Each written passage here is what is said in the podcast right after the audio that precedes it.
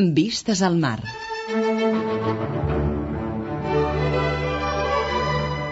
Vistes al mar. Una mirada als nostres músics.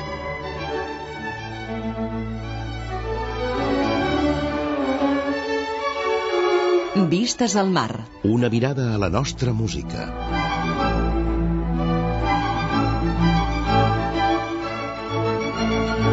Vistes al mar. La música i els músics que han fet història al nostre país.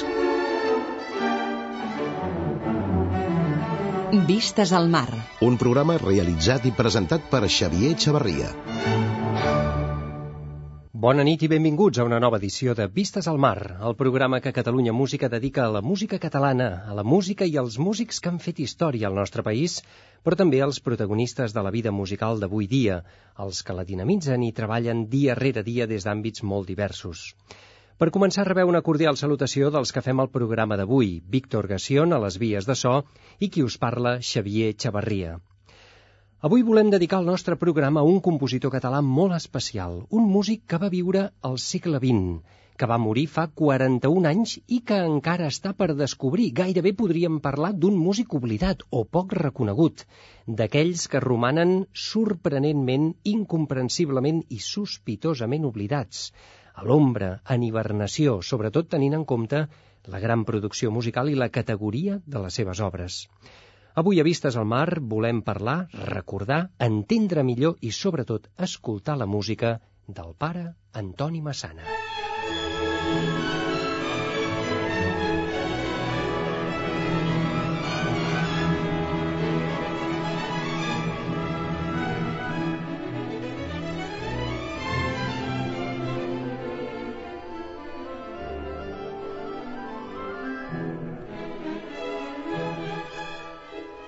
Antoni Massana va viure entre 1890 i 1966, dedicat a la música i a Déu, però li va tocar viure una època convulsa, conflictiva, especialment agitada al seu país.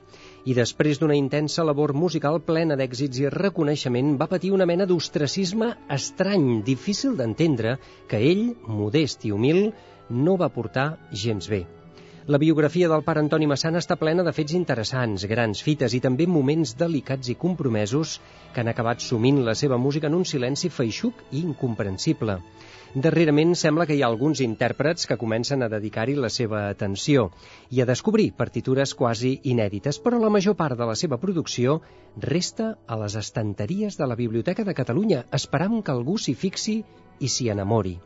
Avui provarem d'esbrinar alguns aspectes de la biografia del pare Antoni Massana i també tindrem l'oportunitat d'escoltar música seva, petites joies que són pràcticament introbables algunes. I ho farem gràcies a les aportacions valuoses dels tres convidats que avui són als estudis de Catalunya Música. Saludem cordialment per començar i donem la benvinguda a una de les intèrprets més reputades de la música del pare Antoni Massana, gairebé un apòstol de la seva música i que el va conèixer intensament durant els últims anys de la seva vida. Ella és la pianista Consuelo Colomer. Bona nit i benvinguda. Bona nit, moltes gràcies. També saludem cordialment a la soprano Teresa Garrigosa, a qui uneix un vincle familiar amb el, amb el pare Antoni Massana. En acabat ens ho explicaràs. Benvinguda, Teresa. Hola, moltes gràcies. Gràcies per ser amb nosaltres. I finalment també donem la benvinguda a Joaquim Garrigosa, que és director del Conservatori de Vilaseca i que també té un lligam especial, un vincle amb el pare Antoni Massana. Benvingut i gràcies per ser amb nosaltres. Bona tarda. De fet, el mateix vincle que la meva germana. Ni més ni menys. Exacte. No hi ha Doncs masses incògnites. Gairebé que comencem per aquí. Quin és aquest vincle familiar que us uneix amb el pare Massana? Maria Teresa.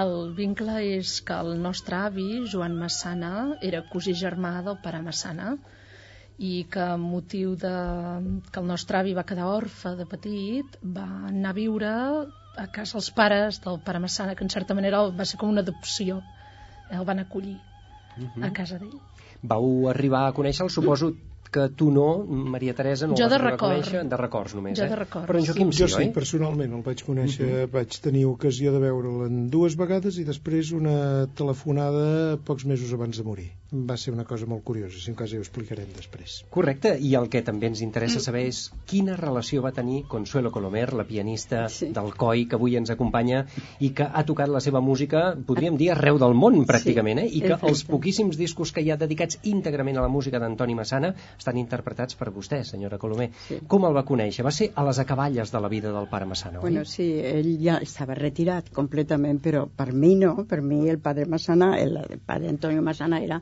una figura, vamos, un gran home. La meva mare em deia de vegades, per què no vas i que el dona algunes classes de composició? Perquè jo de petit, sempre, a, a fer cosetes.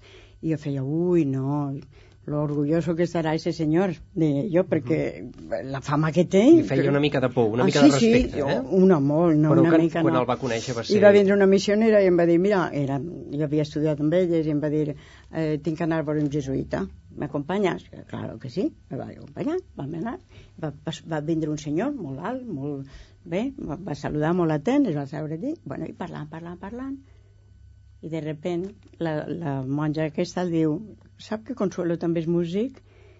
I al dir només això, després el pare Massana comentava moltes vegades que només mirar l'expressió meua va veure la sorpresa, que jo no tenia ni idea de que aquest senyor era el padre Massana. El coneixia molt de, de nom, de prestigi, de tot, però mai físicament. Això va ser l'any 1960. Sí. Ell tenia 70 anys, Sí. vostè era una joveneta i per tant Bueno, eh, tenia ganes sí, de, de, de tocar no, la seva no, més música. que res, el sorprendent tant, pues li vaig demanar, i, i vostè té, ell mai em va tutejar, ni jo tampoc, i parlàvem en castellà. Mhm. I li vaig dir, no, no té res per piano? I ell em va dir, bueno, en la Balmesiana està la danza selvática, vaya, estudia-la, si le gusta ja me dirà algo. Mhm. Res més, res més. Però jo estava espantadeta, sí. Home, el, aquest primer contacte és una miqueta sí, allò... Sí, va ser molt impres... muy impressionant. Entonces vaig anar a la Palmesiana, em vaig comprar la dansa selvàtica i la sorpresa meua, perquè, aunque la trobava maca, però era tan difícil, per mi era molt difícil, però així i tot la vaig estudiar. I quan ja la vaig, li vaig telefonar, li vaig dir, antes de seguir endavant, jo volguera el seu consell per veure si vaig bé en cosa o no. I, clar, entonces, com els jesuïtes tenien clausura, les dones no podien pujar, no? em, vaig seure allí a la taula i li vaig estar per la taula mateixa tocant damunt la taula i cantant o tal i la reacció d'ell va ser espérame un moment i va desaparèixer i, i clar, em vaig quedar una mica també parada perquè Quina no em va dir eh? ni bé ni, ni mal ni res i en això va venir en tota la música de piano manuscrita que tenia el O sigui que li va convèncer la interpretació que vostè... Va- fer. per lo menos m'ho va donar. I a partir de llavors, a en partir aquells sis ja- anys uf, últims, sí, va arribar això- a enregistrar dos discos És que, compactes. mm, bueno, primero vaig estudiar i ell venia, em citava en una casa, després ja va fer amistat en tota la casa, i venia a casa, i allò ho tocava, i ho vaig perfeccionar, i ens vaig dir, vamos a gravarlo. I entonces ho van gravar per Colòmbia. Colòmbia. I va estar ell en la, les dues gravacions, van ser diferents. Una era per ahí, per no sé, el Major de Gràcia, no me recordo ara on era. Uh -huh. Allí un estudi molt bonico, i em van fer una foto bonica, jo anava vestida de llarg i tot molt bé. I ell estava en l'estudi de la gravació. I quan vam acabar tot, no em van interrompir ni una, perquè, clar, en les gravacions t'interrompixen si surt algo que no està bé i tot. I més si- estant si és el compositor que diu, "Eh, això no m'ha agradat, oi?" I quan va sortir, el, tenia una cara de goig, no? Mhm. I va dir, ja està, ja està. Y entonces diu, tengo mucha prisa. I al dir això, pues, clar, li van preguntar i se l'estaven esperant perquè s'anava a Bilbao, al norte, que feia jurat de no sé què, un premi. I, i a mi me se va ocurrir dir, ¿y cómo no nos lo ha dicho? I la contestació, i això per mi va ser el millor halago que m'haguera pogut dir, no, queríamos que todo fuera perfecto. Y como ha sido perfecto, adiós. Ja està, no hi ha res a dir, I oi? se fue. Caram, sí, sí, sí, sí, això va Entonces ser... va ser, va ser una cosa una gran. floreta, I realment. després, poc temps després, no feia ni, ni un any, no. jo ja ho programava en tots els concerts que jo feia en l'estranger i així també, però més en l'estranger pues, tocava la música al Pare Massà i les reaccions del públic eren fantàstiques i jo cada, després de cada concert li solia enviar un telegrama dient-li gran èxito de su música gran èxito en tots, Des d'on? en Grècia des de Així, Beirut, des del Cairo, Al des de tot arreu A Itàlia, França tot arreu, també. tot arreu, sí, a- perquè jo tenia entonces molts Pròxim concerts. Orient, a més a més, sí, vostè sí, també sí, va en viatjar. Damasco, en, en Beirut, en Cairo, en Bagdad, hasta Bagdad. A tot. Bagdad ha tocat la música del Sí, Pare Massana. Sí, tot arreu. Clar, perquè val a dir que vostè ha després viscut també una la pila d'anys als Estats sí. Units, Ah, també. sí, bueno, aquí eh? des de luego la tocaran tots arreu, perquè va, més de 30 anys quasi. o Vaja, sigui, que ha estat una ambaixadora Sí. de la música bueno, del Pare Antoni era Massana. part meu ja, eh? Mhm. Tant això, jo crec que ho dic ahir, quan estava estudiant-la, tan immersa estava i tan difícil era penetrar totalment en ella, però tanta bellesa i puresa tenia que em resultava difícil concentrar-me en, les, en el repertori La resta, tradicional meu. Sí, sí, l'absorbia de, Sí, de tal sí, manera, no? sí. Val a I dir segueix, segueix estant molt dins del meu cor i els meus sentiments, sí. I avui volem recordar-lo aquí Vistes al Mar. Recordem també que tenim entre mans ara mateix un llibre que va escriure precisament la, la pianista Consuelo Colomer, que avui ens acompanya, en el qual es parla d'Antoni Massana, d'aquest gran compositor, en el primer centenari del seu naixement. Per tant, això va ser pels vols del 1990 aproximadament, oi? Va ser publicat a l'editorial Albatros sí. de València i aquí Mm, explica molt doncs, moltes coses. No és ben bé una biografia, però diguem-ne que hi ha moltes vivències, moltes No. converses, reculls de premsa, sí, què havia són dit records, ella. la biografia és massa extensa, Clar. jo no, jo no em vaig clavar allà. algun musicòleg hauria de dedicar-se a fer una recollida de- esperem, d'informació. esperem. Eh? Aquesta, aquesta imatge del pare Massana com una persona una miqueta distant, una miqueta esquerpa, pot ser que va tenir aquesta primera impressió. Joaquim, no sé si la vas arribar a captar tu A també, d'aquelles trobades escadusseres que vas tenir. De fet, de fet la, la trobada que jo vaig tenir amb ell, la primera, va ser acompanyat d'una- d'una tia meva que estava molt contenta perquè jo estava a punt d'entrar a l'escolania de Montserrat. I aleshores un dia em va agafar i diu, mira, hem d'anar a veure el pare Massana, del qual jo havia sentit parlar molt, com un gran músic, però no, no, no el coneixia. Aleshores vam anar al, al col·legi dels jesuïtes de Casp, on ell, eh, ell estava allà, resident allà. Professor de música encara, em sembla? O en Eh, Llavors ja no, estava havia, retirat? feia Ho poc, havia estat, feia eh? poc que Havia estat. havia dirigit, havia fet alguna cosa amb, amb una escolania que hi havia allà als jesuïtes de Casp. Ja. Molt poc temps, però eh, feia un temps. I aleshores recordo que ens vam veure al rebedor on rebien a la gent i ell em va dir que estava molt content de saber que hi havia un net del seu estimat Juanito que eh, volia, volia fer uns passos per la música. Jo aleshores tenia eh, 8 anys, vull dir que no, no era massa conscient de tot el que volia dir allò. Però em va dir, diu, diu, un dia et donaré una partitura que et dedicaré i això. I va ser una entrevista, doncs, una mica, doncs, allò, què estàs estudiant, què estàs fent, he començat a tocar el violí, ah, molt bé, doncs... Presa de eh, contacte, estàs- vaja. Una presa de contacte. I després, aleshores, ell, eh, vam tornar-hi i em va donar una partitura d'uns goig de la Mare de Déu de Núria, dedicada, que encara la, la conservo a casa i em va dir, diu, algun dia m'has de dir si l'has cantada i a veure què t'ha semblat. I la tercera vegada va ser una entrevista telefònica, jo ja estava a l'escolania de Montserrat, havia entrat l'any 65, o sigui que això havia de ser entre el 65 i la seva mort, que va ser el 1966, que em va trucar a Montserrat per saber si m'havia agradat aquella partitura, o sigui que és una cosa... I jo ja dic que era un criu de, Ah, de trucar 9 10 a Un anys, nen de 9 o 10 anys, un sí, escolanet de Montserrat. I, i jo li vaig dir, va sí, però és una, mica, és una mica estranya, perquè de fet és una mica estranya. I per què la trobaves estranya? Oh, home, jo... El llenguatge eh, musical. Diguem, el tipus de llenguatge musical, jo estava acostumat amb un llenguatge molt tonal, i aleshores té, té un inici una mica curiós, eh, Verge de la Vall de Núria, eh, envoltada de soletats, o sigui, com, com uns elements modals, sí, sí. una mica... eh, És així, eh, la, la melodia, me'n recordo Mhm. perfectament, i aquesta cosa així una mica modal a mi em sorprenia perquè jo estava acostumat a una cosa molt tonal perquè era el que apreníem de solfeig després ja un va aprenent més coses.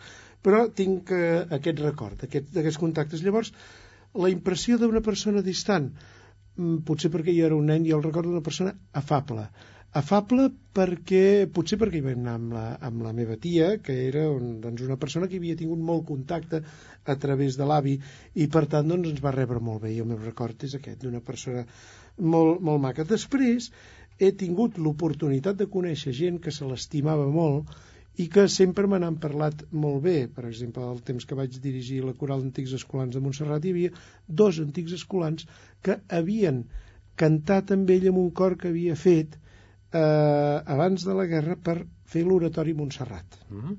I aleshores me'n parlaven del record d'aquest oratori i de, que, i de que el pare Massana els feia treballar moltes hores fins a arribar doncs, a tal com ell volia que resultés aquella Persona música. Perfeccionista, eh? Sí, perfeccionista. Això, això, aquesta seria Mhm. la paraula, justament. I l'altre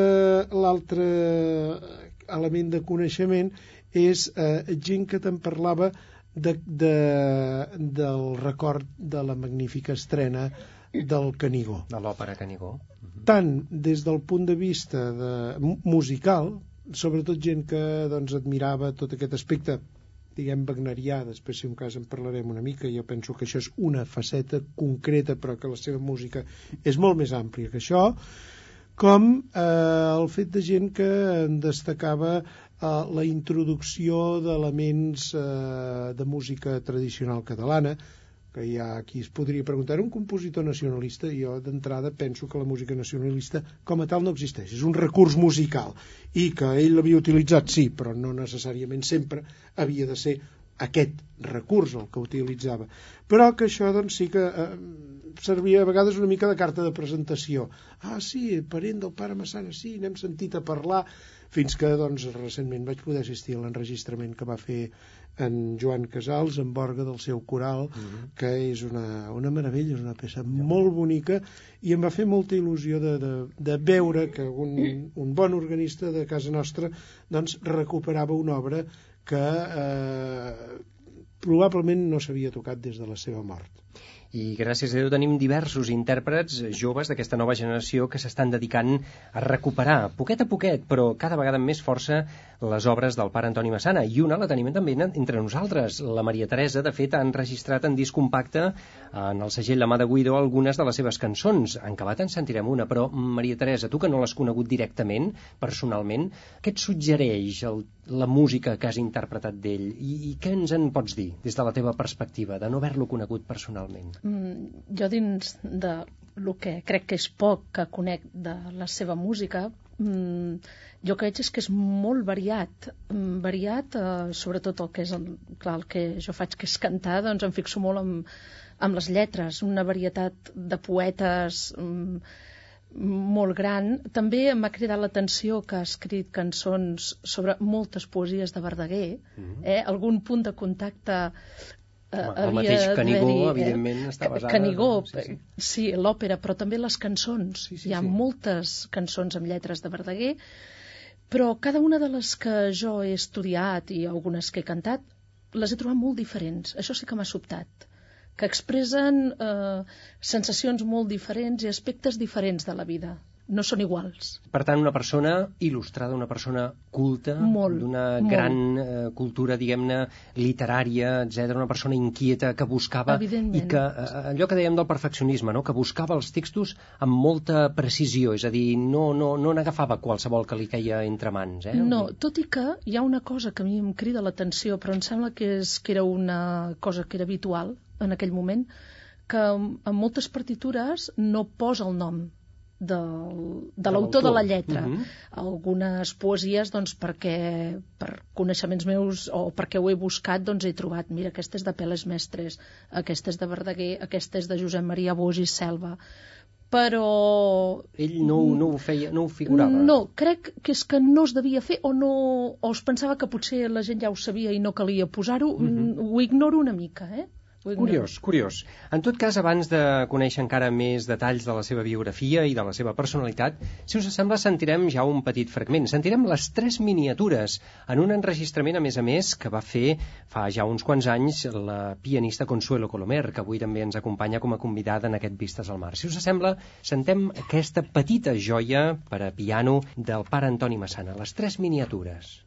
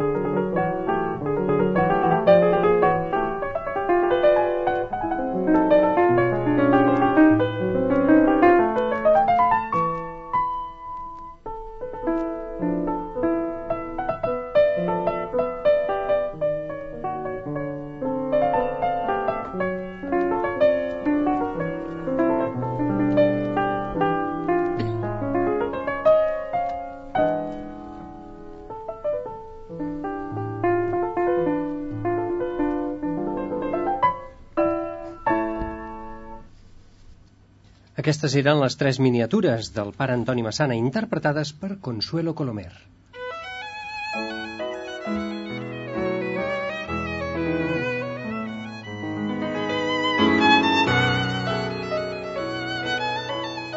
Vistes al mar.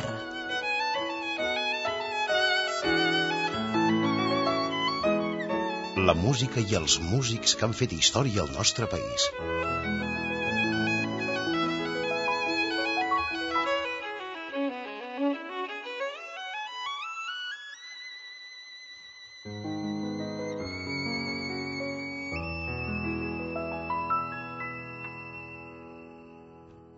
Avui Vistes al Mar, dedicat al pare Antoni Massana, que va néixer, recordem-ho, quatre breus apunts biogràfics el 24 de febrer de 1890. Va fer els seus estudis de música amb Masi Serracant, amb Enric Granados, amb Frank Marxall, amb Vicent de Givert, i el 1911, quan tenia 21 anys, va ingressar al noviciat de Gandia. Va estudiar filosofia, teologia, i el 1922 va ser ordenat sacerdot. Va ampliar estudis amb Enric Morera i Felip Pedrell.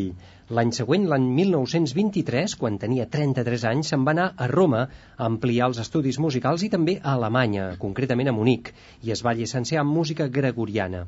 L'any 1927 va exercir com a professor al Col·legi Sagrat Cor de Barcelona, per tant també es va dedicar a la docència. Durant la República, entre l'any 32 i el 37, va haver de marxar a Itàlia per la dissolució de la Companyia de Jesús a l'estat espanyol. L'any 1935 va escriure una de les seves obres capdals, l'òpera Canigó, amb textos de Josep Carner i basada en poemes de Jacint Verdaguer i amb una música clarament influenciada per Richard Wagner. Entre 1937 i 1949 va fer de mestre a Saragossa i a Barcelona al Col·legi Casp i l'any 1949 se'n va anar a Sud-amèrica on s'hi va estar fins a 1953, gairebé 4 anys. Va estar a Buenos Aires, a l'Argentina, va estar al Brasil també i també a l'Uruguai. Quan va tornar a Barcelona mm, li van estrenar l'òpera Canigó al Gran Teatre del Liceu el 1953 i també va rebre el Premi Nacional de Música va escriure una nova òpera, El Paradís Perdut, però la seva vena creativa, a partir d'aquell moment, als anys 60 especialment, va començar a decaure i va morir el 9 de setembre de 1960 al noviciat de Raimat, al Segrià, concretament a Lleida. Diverses són les obres que va fer, més d'un centenar, la seva producció és extensa, però val a dir que va fer com a òperes més importants el Canigó, de l'any 35, Nuret Dunna, de l'any 47, que es va estrenar l'any 1949 a Palma, amb llibret de Costa i Llobera, i també El Paradís Perdut.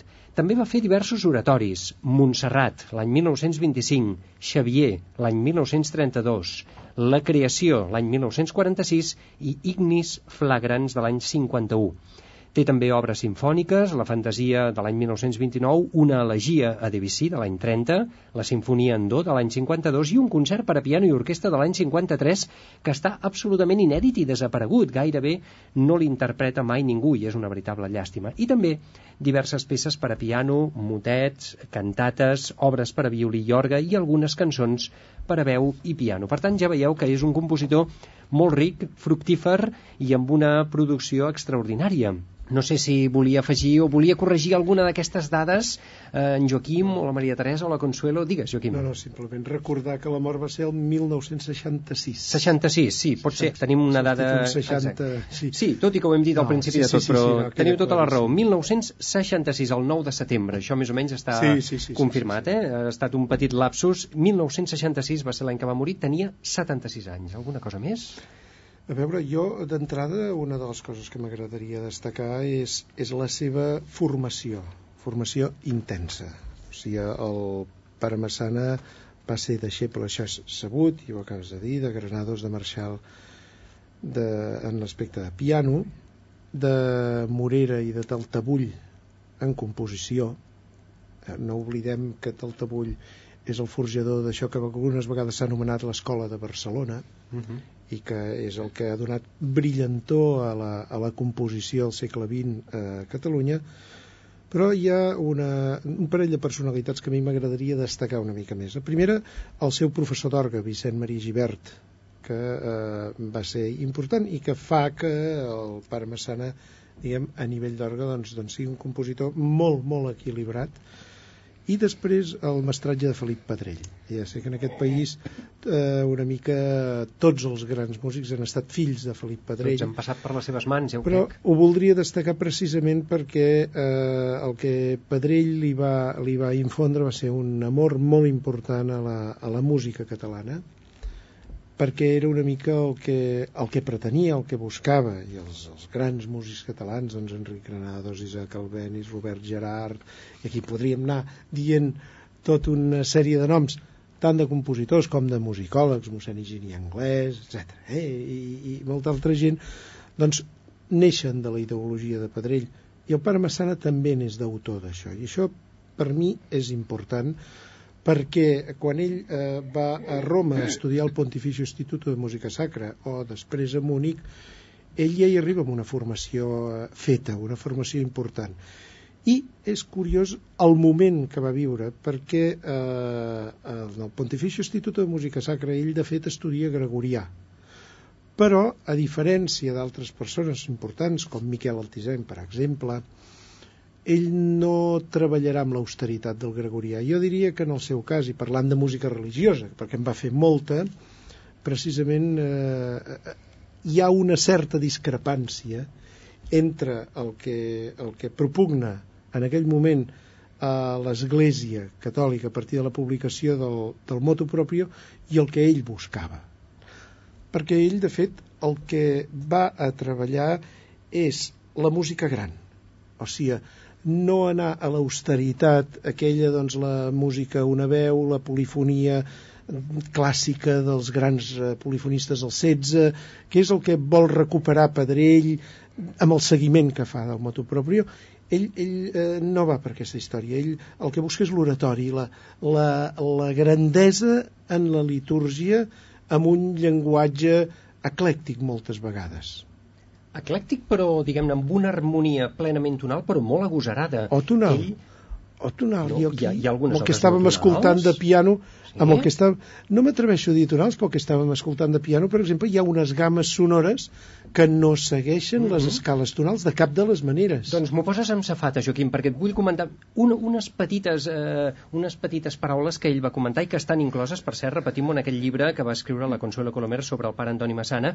Aquí recull algunes entrevistes que li van fer, i en una, concretament, per Ràdio Barcelona, va dir el següent sobre el dodecafonisme i, i tal com deia ell, la nova ola de la música. Diu, Ahora, ho diu en castellà perquè evidentment l'entrevista va ser feta en castellà, això era als anys 50, ahora hay la juventud esta, la nueva ola que llaman ahora, que lo tira todo por el suelo y hace otra cosa. Yo no entro, yo no entro. L'entrevistador li diu, ¿es un camino muy desacertado el de esta nueva música, a juzgar por usted? Diu, sí, es el dodecafonismo que dicen, yo lo detesto. Si es esto, para mí es un error. Diu, ¿por qué? Li diu l'entrevistat. Diu, porque no tiene expresión, no logra expresar, por lo menos yo no lo siento. Per tant, ell no, no, no li agradava massa en aquests experiments de l'escola de Viena. Mm, permeteu, eh, el, el pare Massana eh, repesquem la formació que havia tingut. Mm -hmm. Repesquem la formació que havia tingut Pedrell, I- Marxall... Exactament. Entenguem que això ens ho està dient quan té 60 anys i entenguem que és un noucentista. És a dir, jo penso que és perfectament justificable que una persona, després de d'haver triomfat eh, arreu del món, amb una amistat manifesta, entre altres, per exemple, amb Heitor Villalobos, Sí, a Brasil, I- és veritat. i amb, amb una admiració que li havia manifestat el propi Richard Strauss. O amb contactes amb els grans músics del moment. No oblidem que l'elegia de Vicili va estrenar Pau Casals Déu-n'hi-do. al Palau de la Música Sí, sí, sí. Dir que aquest home ja tenia una vida plena per si en el moment en què entra un element com el de decafonisme si no l'entén mm, no el preocupa gaire. Hi ha gent que li hauria preocupat i gent que hauria buscat la manera de treballar amb aquest nou sistema. Ell ja en tenia prou, segurament, i, i no calia. No ho sé, jo tampoc el culparia per no haver entès això. Em sembla que és una reacció perfectament lògica. Lògica. Voleu afegir alguna cosa, Consuelo, mm, sobre la seva música? Vostè que l'ha que l'ha tinguda tan entre mans, què li sembla la seva música? Molt de tall clàssic, té regust wagnerià, què hi troba en la seva música? Ah, jo trobo que és Massana. Massana pur i dur, eh? allò No personal Sí, absolutament. Sí, absolutament. Uh -huh. Identificar-la. Em sembla que ho comenta en algun moment del llibre, vostè ho diu. Diu és que la seva música, només que n'hagi sentit una miqueta, la identifica ràpidament. Té una personalitat especial. Sí, i a eh? més d'això, l'audiència diferent, perquè hi havia uns alemans, uns senyors alemans que van entrar entusiasmats, no en coneixien per res. En un concert que vostè va fer, Sí, eh? sí, i van entrar dient, este músico, ¿de dónde ha salido esta música? Bueno, com en l'idioma que ells portaven, però sí estaven admirats i, i efectivament, on la toca tots han respost de la mateixa manera, però és Massana, eh? Massana, allò en estricto sensu, és un compositor d'allò més personal. Teresa, vols afegir alguna cosa o et sentim directament? Mm, Potser millor Sí? sentir la música. Doncs mira, si et sembla, eh, En l'enterro d'un nin, una cançó preciosa, una miqueta luctuosa, dramàtica, que cantes tu, la interpretes amb l'acompanyament de l'Emili Blasco al piano, et sembla? Sí, perfecte. Doncs sentim-la.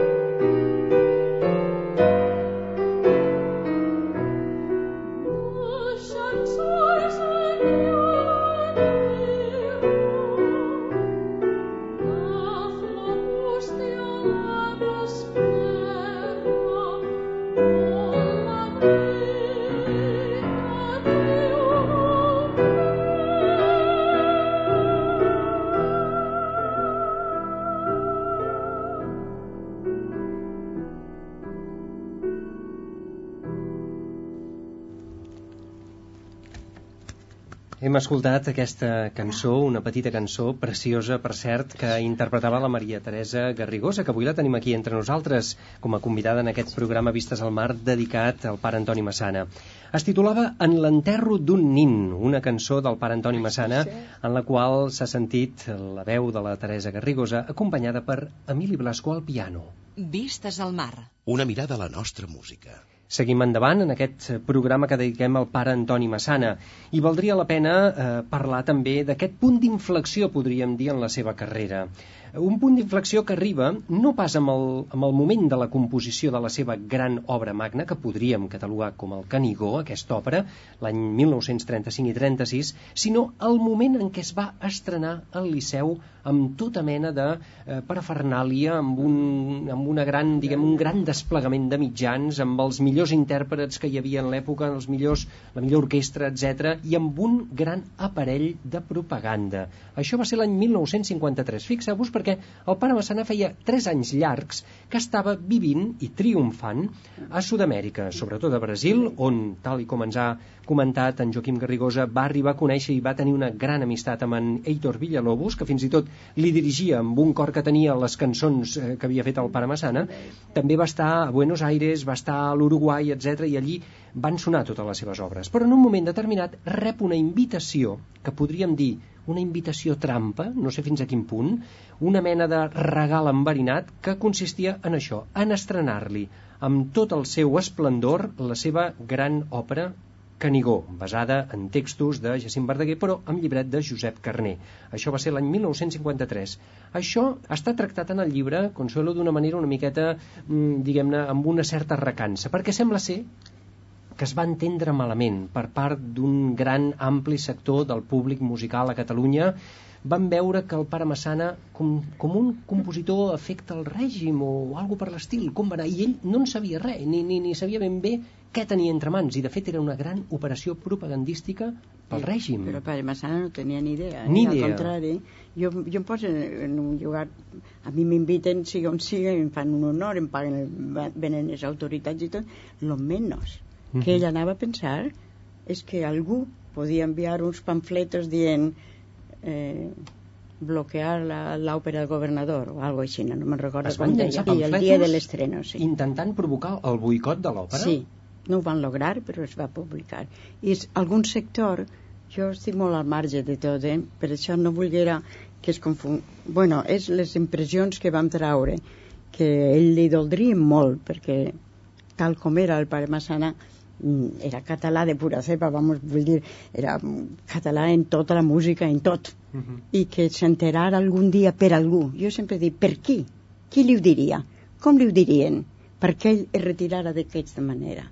Però clar... perquè a partir d'aquell moment ell gairebé va desaparèixer una mica Bueno, i no, va... és que encara va haver més, perquè li van dir, per exemple, que era nosaltres, el, el govern que estava, en, bueno, volia implantar-se, sembla que va dir, com dieu que no estem a favor de Catalunya? Si hem invitat i hem muntat una òpera d'un compositor català, un poeta català, tot català. Uh -huh. Nosaltres l'homenatgem, és un homenatge que li fem a, a gran, gran escala. I entonces després li van donar també un premi citat de Barcelona Mhm. i també era el govern el, que no era Sí, el, sí. és, i entonces quan ell s'enteraria dic jo, perquè a mi mai mai, eh? no, Mai li va arribar a confessar res, ni mai, li va mai. dir què en però a pensava partir d'allò, eh? d'entonces el padre Massana se va retirar a, a, Mhm. a, a Caspe Làuria, no? allí on estava I allí era on, jo, allí on finalment, jo el allí. vaig bueno, allí se va posar malalt Sí, sí, es recorda. i una cosa que també és, és molt personal del padre Massana, que quan jo anava a visitar-lo, això em feia, estoy muerto de ruidos, estos ruidos Això me matan. al carrer Làuria, oi? Sí. Que ell protestava perquè sí, feien massa soroll motos, les motos. Els motos. Deia, no puede ser, me matan. I quan vaig anar a Raimat, que va molt, molt bonic, jo vaig tocar per seminaristes i tota la música de obres de Padre Massana, entonces em feia, ai, Consuelo, este silencio me mata. I es va riure molt perquè li vaig dir, eh, que no se'n recorda? No se'n recorda quan protestava que en, Laura Balmes i es, es va somriure molt carinyós, però sí, Enyorava era- també la vida musical de Barcelona, suposo, ell també. ell no va anar mai, ja el dic, jo vaig tocar en una volta en Toldrà, no sé, un concert d'orquestra, va vindre als, als ensaios, però no, o sigui, no alternava. No anava als No, concerts pròpiament, no, sinó jo crec que es va retirar total. petit comitè. Eh? No sé si en Joaquim ens podia comentar alguna cosa sobre aquest eh, fet, aquesta circumstància que penso que marca un punt d'inflexió en la carrera del pare Antoni Massana l'any 53 quan es fa el Canigó al Liceu. Eh, Sí, jo, jo, a veure, voldria mirar-ho una mica globalment. Era el, el pare Massana, i deixeu-me tirar enrere i veureu per què ho faig. El pare Massana es fa jesuïta el 1911, pocs anys després de la Setmana Tràgica. Sí, I podríem entendre, potser, que és la, una reacció típica d'una família profundament creient que eh, fàcilment doncs, doncs, incentiva que el fill, l'únic fill varó que tenien es fes eh, religiós.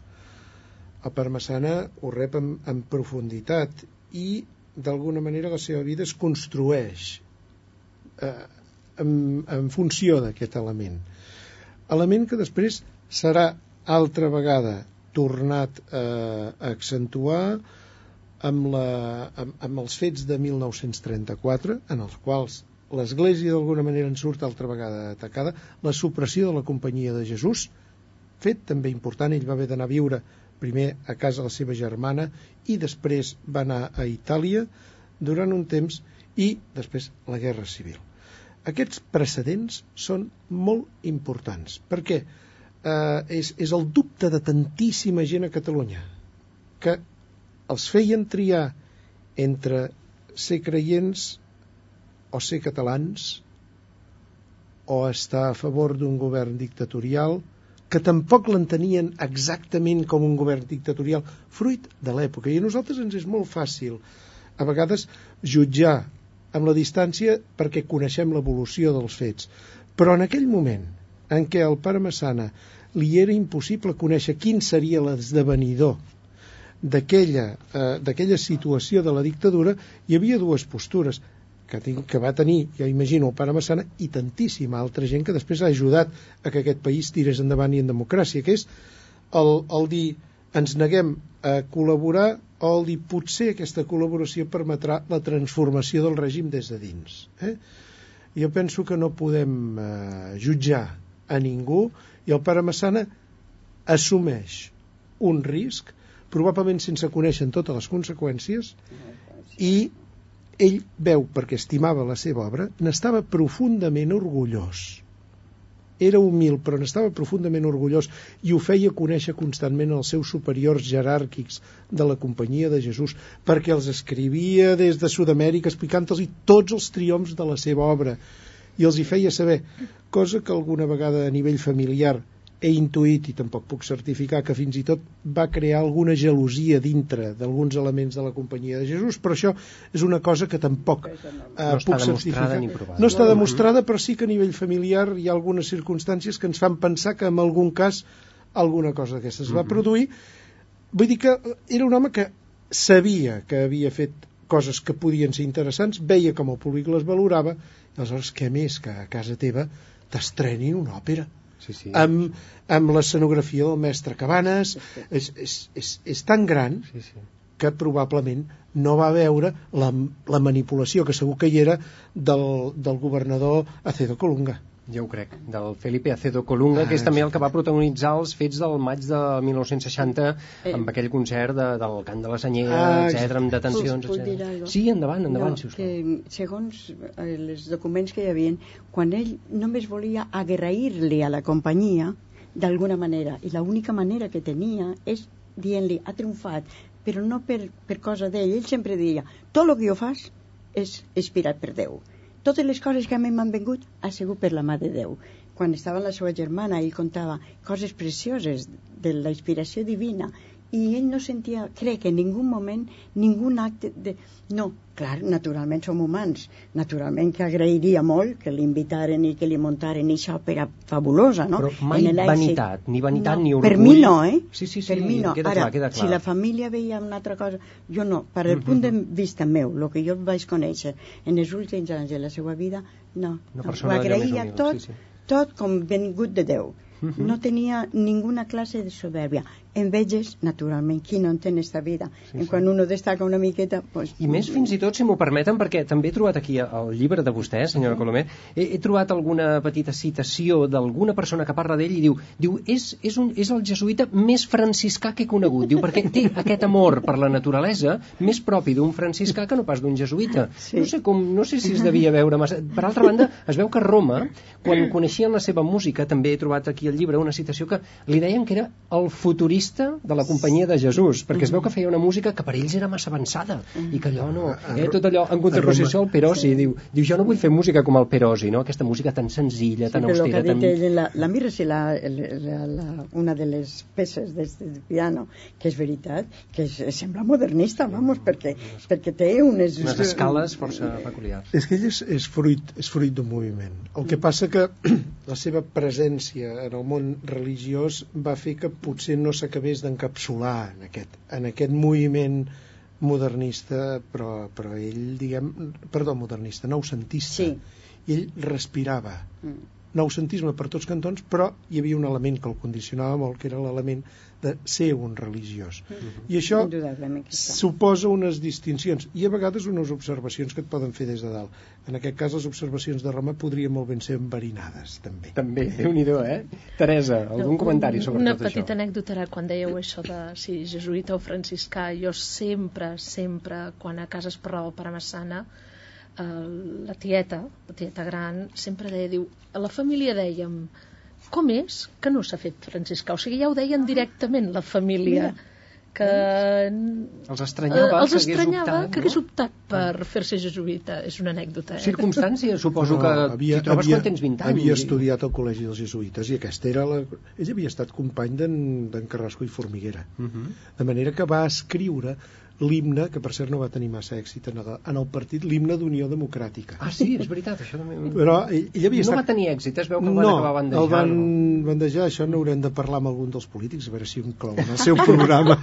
bueno, l'últim tot cas. l'últim que va composar el pare Massana, l'ultimíssim, va ser que en Tarragona, en la catedral de Tarragona, van fer el, de l'avinguda de, bueno, lo de l'himne de Sant Pablo, Uh -huh. i ahir també vam intervenir la meva família perquè el, jo tenia entonces el, el, un canònic d'allí que era poeta, tinc música d'ell bueno, em va donar a mi ves i dir-li al padre Massana que em posi la música per a este himne que li l'havien encarregat i li va, portar, li van portar la meva germana Elvira més gran que ja no viu per desgràcia i la, el, la poesia i jo vaig dir, mire, el padre Melendres m'ha encarregat, per favor, que faça lo possible per posar-li música, perquè van estrenar-la i tal i qual. Ho dic ahir, algo. I ell va I dir... entonces ell diu, no. Anant ahir. No, no, no. Res no. de res. I la meva germana va agafar la partitura. Ella era molt convincent i, a més, l'estimava molt i ell es donava compte que l'estimàvem i l'admiràvem.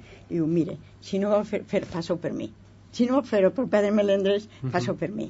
Entonces ell va agafar, bueno, ya veremos. Ja veremos. I, I al cap de tres dies, fer, eh? Sí. I té, el que és el, lo que el poble canta és pegadís i molt bon, és un himne, però després és tan difícil que, clar, no, no crec que hagi anat endavant, però quan el van estrenar en tota la parafernàlia en la catedral, diu que anava en el superior d'ell, que el superior d'ell feia muchos honores, muchos honores, però no veràs un duro.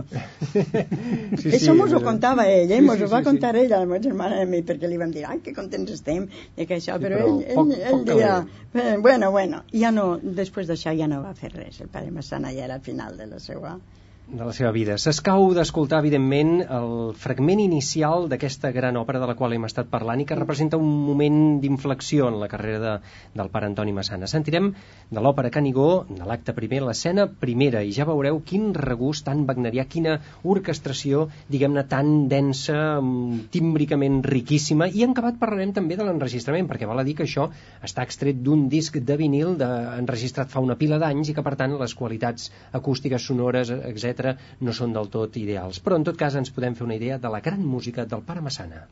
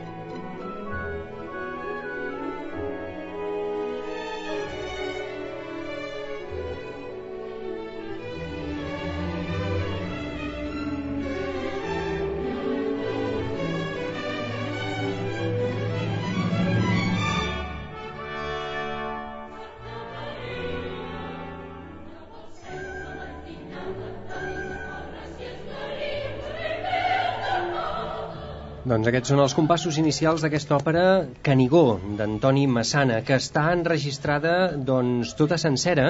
El que passa és que amb una versió realment antiga i que, a més a més, té certes deficiències musicals. I això és una llàstima, perquè, clar, no es pot apreciar, no, Joaquim, la, la, la pura bellesa autèntica, absoluta de la música d'en Massana, igual que passava amb algun dels re- enregistraments que hem sentit també per a piano, no? Sí, és que- Els instruments a vegades no hi havia la cura Mm, sí, Sí. sí. No, no oblidem els moments en què s'estan fent aquests enregistraments. Eh, a vegades els pianos no acabats d'afinar, o en aquest cas, doncs, l'orquestra anaven a, a, a preu fet i en unes situacions laborals doncs, Exacte. certament difícils. Això deu ser dels anys 60, aquest Eh, enregistrament, aquest enregistrament, també? no, no, és de l'any de l'any es va enregistrar, diria que el mateix 53. L'any 53, Diria que, el- de, que en acabat de la representació es va fer l'enregistrament i així com l'estrena la va dirigir Pablo Sorozábal em sembla que l'enregistrament no i m'agradaria constatar jo asseguraria que va ser el mestre Ernest Xancó asseguraria Aquí veiem la soprano Lina Richarte, ha en Josep Simorra, el baríton, eh, Miquel Aguerri, per exemple, etc diversos solistes, hi ha la Mirna a la cambra,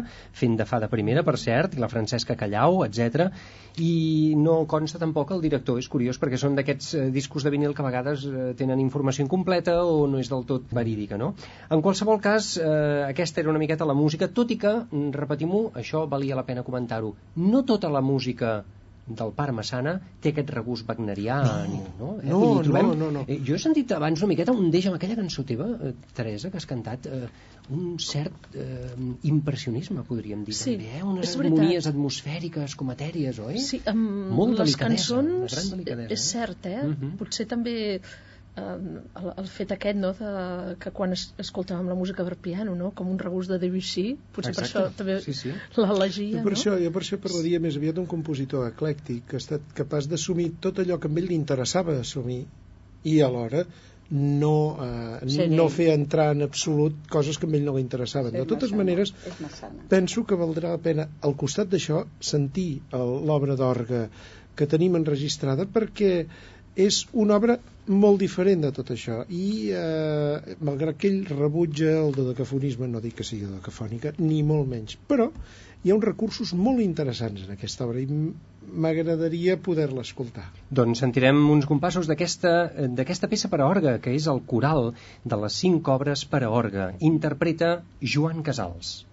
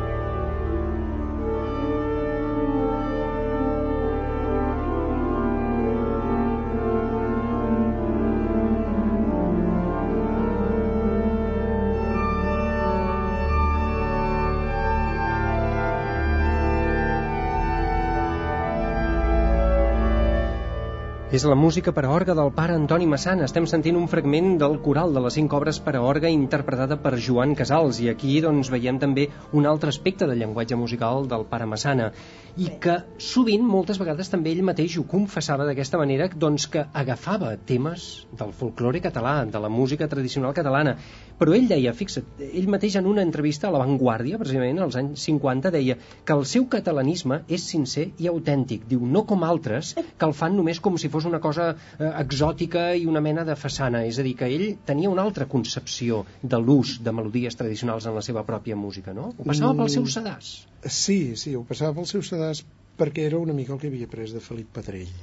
Eh? O sigui, ell, de fet, de fet, havia conegut molt de prop molt de prop l'obra del cançoner popular català, tot i que, pel que tinc entès, no hi va arribar a participar, però hi havia tot un entorn de, eh, cultural dels anys dels anys eh, eh, 10, 20 del segle XX eh, doncs amb el mossèn Francesc Baldalló la Fundació Patxot anglès, Fundació Patxot que l'havia premiat sí, exacte, que l'havia premiat un premi d'una de les seves obres aleshores uh -huh. ell probablement aquest seguiment que fa li fa conèixer tota una sèrie de melodies que ell incorpora perquè li ve de gust però això no vol dir que sigui obra de jo que en diria un compositor nacionalista. Uh -huh. Són recursos que utilitza molt interessants, però per exemple aquí en aquesta, en aquesta peça d'orga hi havia un, un treball de, de modulació o de presentació de dissonàncies no resoltes que mm, diguem, no és de cafonisme, lògicament, però eh, podria estar en el camí de, i en canvi... És agosarat. Sí, és agosarat. Però molt personal, això que deia la, la Consuelo Colomer, no? que és un, un llenguatge propi, sí. un llenguatge massana plenament, no? Sí, massana, sí. sí, sí, sí, sí. De fet, allò que dèiem abans del wagnerianisme, que no, que no s'ha de globalitzar en tota la seva obra, ni molt menys, però eh, això li venia d'un amor molt especial que ell tenia a, a l'obra de Wagner, perquè ell va participar eh, a començaments del segle XX de la fundació de l'Associació Wagneriana de Barcelona. Amb el, amb el nostre avi eh, havien copiat sí, l'un amb l'altre el Parsifal tot sencer. Sencer a mà, a mà, copiat sencer. Sí, sí, sí. sí. Ah. I, eh? I fins i tot a casa jo tinc algunes partitures de Wagner en els quals hi ha correccions de fragments, suposo que perquè havien sentit eh, alguna interpretació al Liceu i aleshores hi posaven i enganxaven al damunt del Afegit, piano, doncs, doncs que, aquella reducció no els hi semblava bé i n'hi posaven una altra, no? Mm, I aquella afecció, evidentment, doncs, doncs això ha de, ha de colar en la música que un fa. Però això que sentíem ara no té res de wagnerià. Potser en algun moment, doncs, escolta, no, hi podria no, recordar doncs, César Frank en algun aspecte o Saint-Saëns però no, no és uh, wagnerià. És un ampli ventall estilístic. És un ampli eh? ventall estilístic ja sí, sí, sí. que és una, jo per mi és un eclecticisme molt ric, mm. no en el sentit pejoratiu del terme, sinó més aviat en el sentit ric de la paraula. Mm -hmm. El que comentava la senyora sí. Consuelo Colomer és massana, pur i dur. Eh? Així no, ho trobo jo. Uh -huh. I com és que la seva música ara no té aquesta devoció? Vostè ens ha portat dues joies discogràfiques, dos LPs, eh, dos discos d'aquests de vinil, que és que no els hem trobat per enlloc, estan descatalogats, aquí no es troben enlloc bueno, ni, ni, ni tan sols els tenim. de música ja no existeix. Colúmbia, ja no Colúmbia ja no existeix, tot i que I era de Barcelona. van sortir molt, sí, sí. però esclar, I clar, si s'acaben i la casa aquí es tenen que fer una altra Sí, sí, vegada. això els joves pianistes, joves intèrprets, igual que la Teresa, Sí, han sí. registrat algunes de les Sí. seves cançons. I els conservatoris poden donar, perquè hi ha peces de totes, de totes les dificultats, Mhm. des de les interpretatives sempre, perquè la qualitat del sonido és especial. Té certa dificultat, però sin embargo Uh -huh. eh, tenen diferents nivells de virtuosisme, eh, més senzills, els més alts, alt, i deuen donar. Jo crec que es deu donar. No sé si el senyor Joaquim Garrigosa s'ha sentit al·ludit com a director del Conservatori de Vilaseca, eh, d'alguna manera... D'alguna manera tenen- d'alguna a manera a vegades hi ha, modes, hi ha modes que van i venen Sí. i jo penso que d'alguna manera hi haurà eh, Sí. compositors eh, perdó, intèrprets que Sí. recuperaran Sí, l'obra, estic n'estic segur i eh, fins i tot eh, jo diria que en, el, en aquest moment en què les administracions doncs, per exemple doncs, doncs contemplen el fet de que hi hagi compositors catalans a dintre de les programacions penso que se sentiran incentivades eh, doncs, per eh, posar obra del Pare Massana. Jo quan vaig sentir abans de l'enregistrament l'obra del Pare Massana eh, justament va ser eh, en Borga va ser el, en un concert a la catedral dels que organitza Euroconcert en, a, en l'orga de la catedral interpretat per Joan Casals i em va fer molta il·lusió però és que per exemple Clar. doncs, Euroconcert és, és una, una entitat que facilita la interpretació de música catalana a compositors catalans, de Massana, de Ruera, de mm. Taltaboll, i això és important. I aleshores, si aquesta obra arriba d'alguna manera en els intèrprets, segur. Doncs segur. I perdoneu-me, però és una gran part important també la difusió. És la labor que tu estàs fent en aquest mm -hmm. moment que fem d'alguna manera que donem és, a conèixer compositors és, com el Pare Massana. És, és apostolat també. Aquesta és la nostra tasca també humil i modesta, sí, però en la mesura que podem amb tot el carinyo. Massana i admiradora mm -hmm. tremenda, ho estic molt agraïda. Doncs nosaltres també, i no sé, Teresa, si volies... Sí, no, jo volia dir que jo en aquest moment començo a conèixer gent que sí que s'està interessant, que a vegades el que tenen dificultat és de trobar les obres i que bé, les obres les trobes doncs això, anant a la biblioteca i... Totes a la biblioteca de Catalunya, eh? Uh, sí, mm. alguna també al Conservatori, per exemple, de Bruc, jo n'he trobat, amb sorpresa, perquè alguna no hi és a la biblioteca de Catalunya. Sí, I bé, tens moltes sorpreses i també mm, és poder agafar aquestes obres, creure-hi, creure-hi, voler-les escoltar, voler que aquesta música soni. Mm -hmm jo penso que sí, jo penso que sí, que, que hi ha d'haver esperança ja en aquest moment. A mi només m'agradaria recordar que hi ha algunes obres del Pare Massana que encara estan en catàleg i a la venda a la venda. En editorial. Estan editades. Boaló, sí, sí, per sí, exemple, Boaló, Boaló té obra en catàleg. Mhm. -huh. eh? I això es pot, això es pot adquirir La suite número 1, per exemple, que la tenim aquí sobre la taula, que és un recull de peces per a piano delicioses, precioses, i està editada per Boaló i realment és d'un gran interès. Doncs bé, eh, doncs aquest ha estat el nostre petit homenatge humil, però amb tot el carinyo que hem volgut fer al pare Antoni Massana, aquest gran compositor que va viure entre 1890 i 1966, deixem-ho ben clar, i que avui hem volgut recordar aquí al programa Vistes al Mar gràcies a la conversa que hem mantingut amb els tres nostres convidats. Aquí agraïm moltíssim la seva assistència. A la senyora Consuelo Colomer, moltíssimes gràcies. Gràcies a vosaltres i també a la Teresa, Maria Teresa Garrigosa gràcies per ser amb nosaltres, Teresa. Gràcies. i molta sort amb totes les teves interpretacions. Moltes gràcies. I també amb en Joaquim Garrigosa, moltíssimes gràcies per ser amb nosaltres. A vosaltres, ha estat un plaer. Doncs aquest ha estat el programa Vistes al Mar d'avui dedicat al pare Antoni Massana. Divendres que ve més aquí a Catalunya Música. Ens acomiadem els que hem fet aquest programa. Víctor Gaciona a les vies de so i qui us parla Xavier Xavarria que acabeu de passar una molt bona nit. A reveure. Vistes al Mar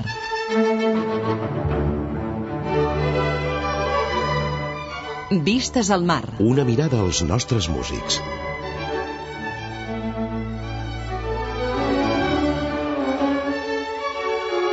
Vistes al mar. Una mirada a la nostra música.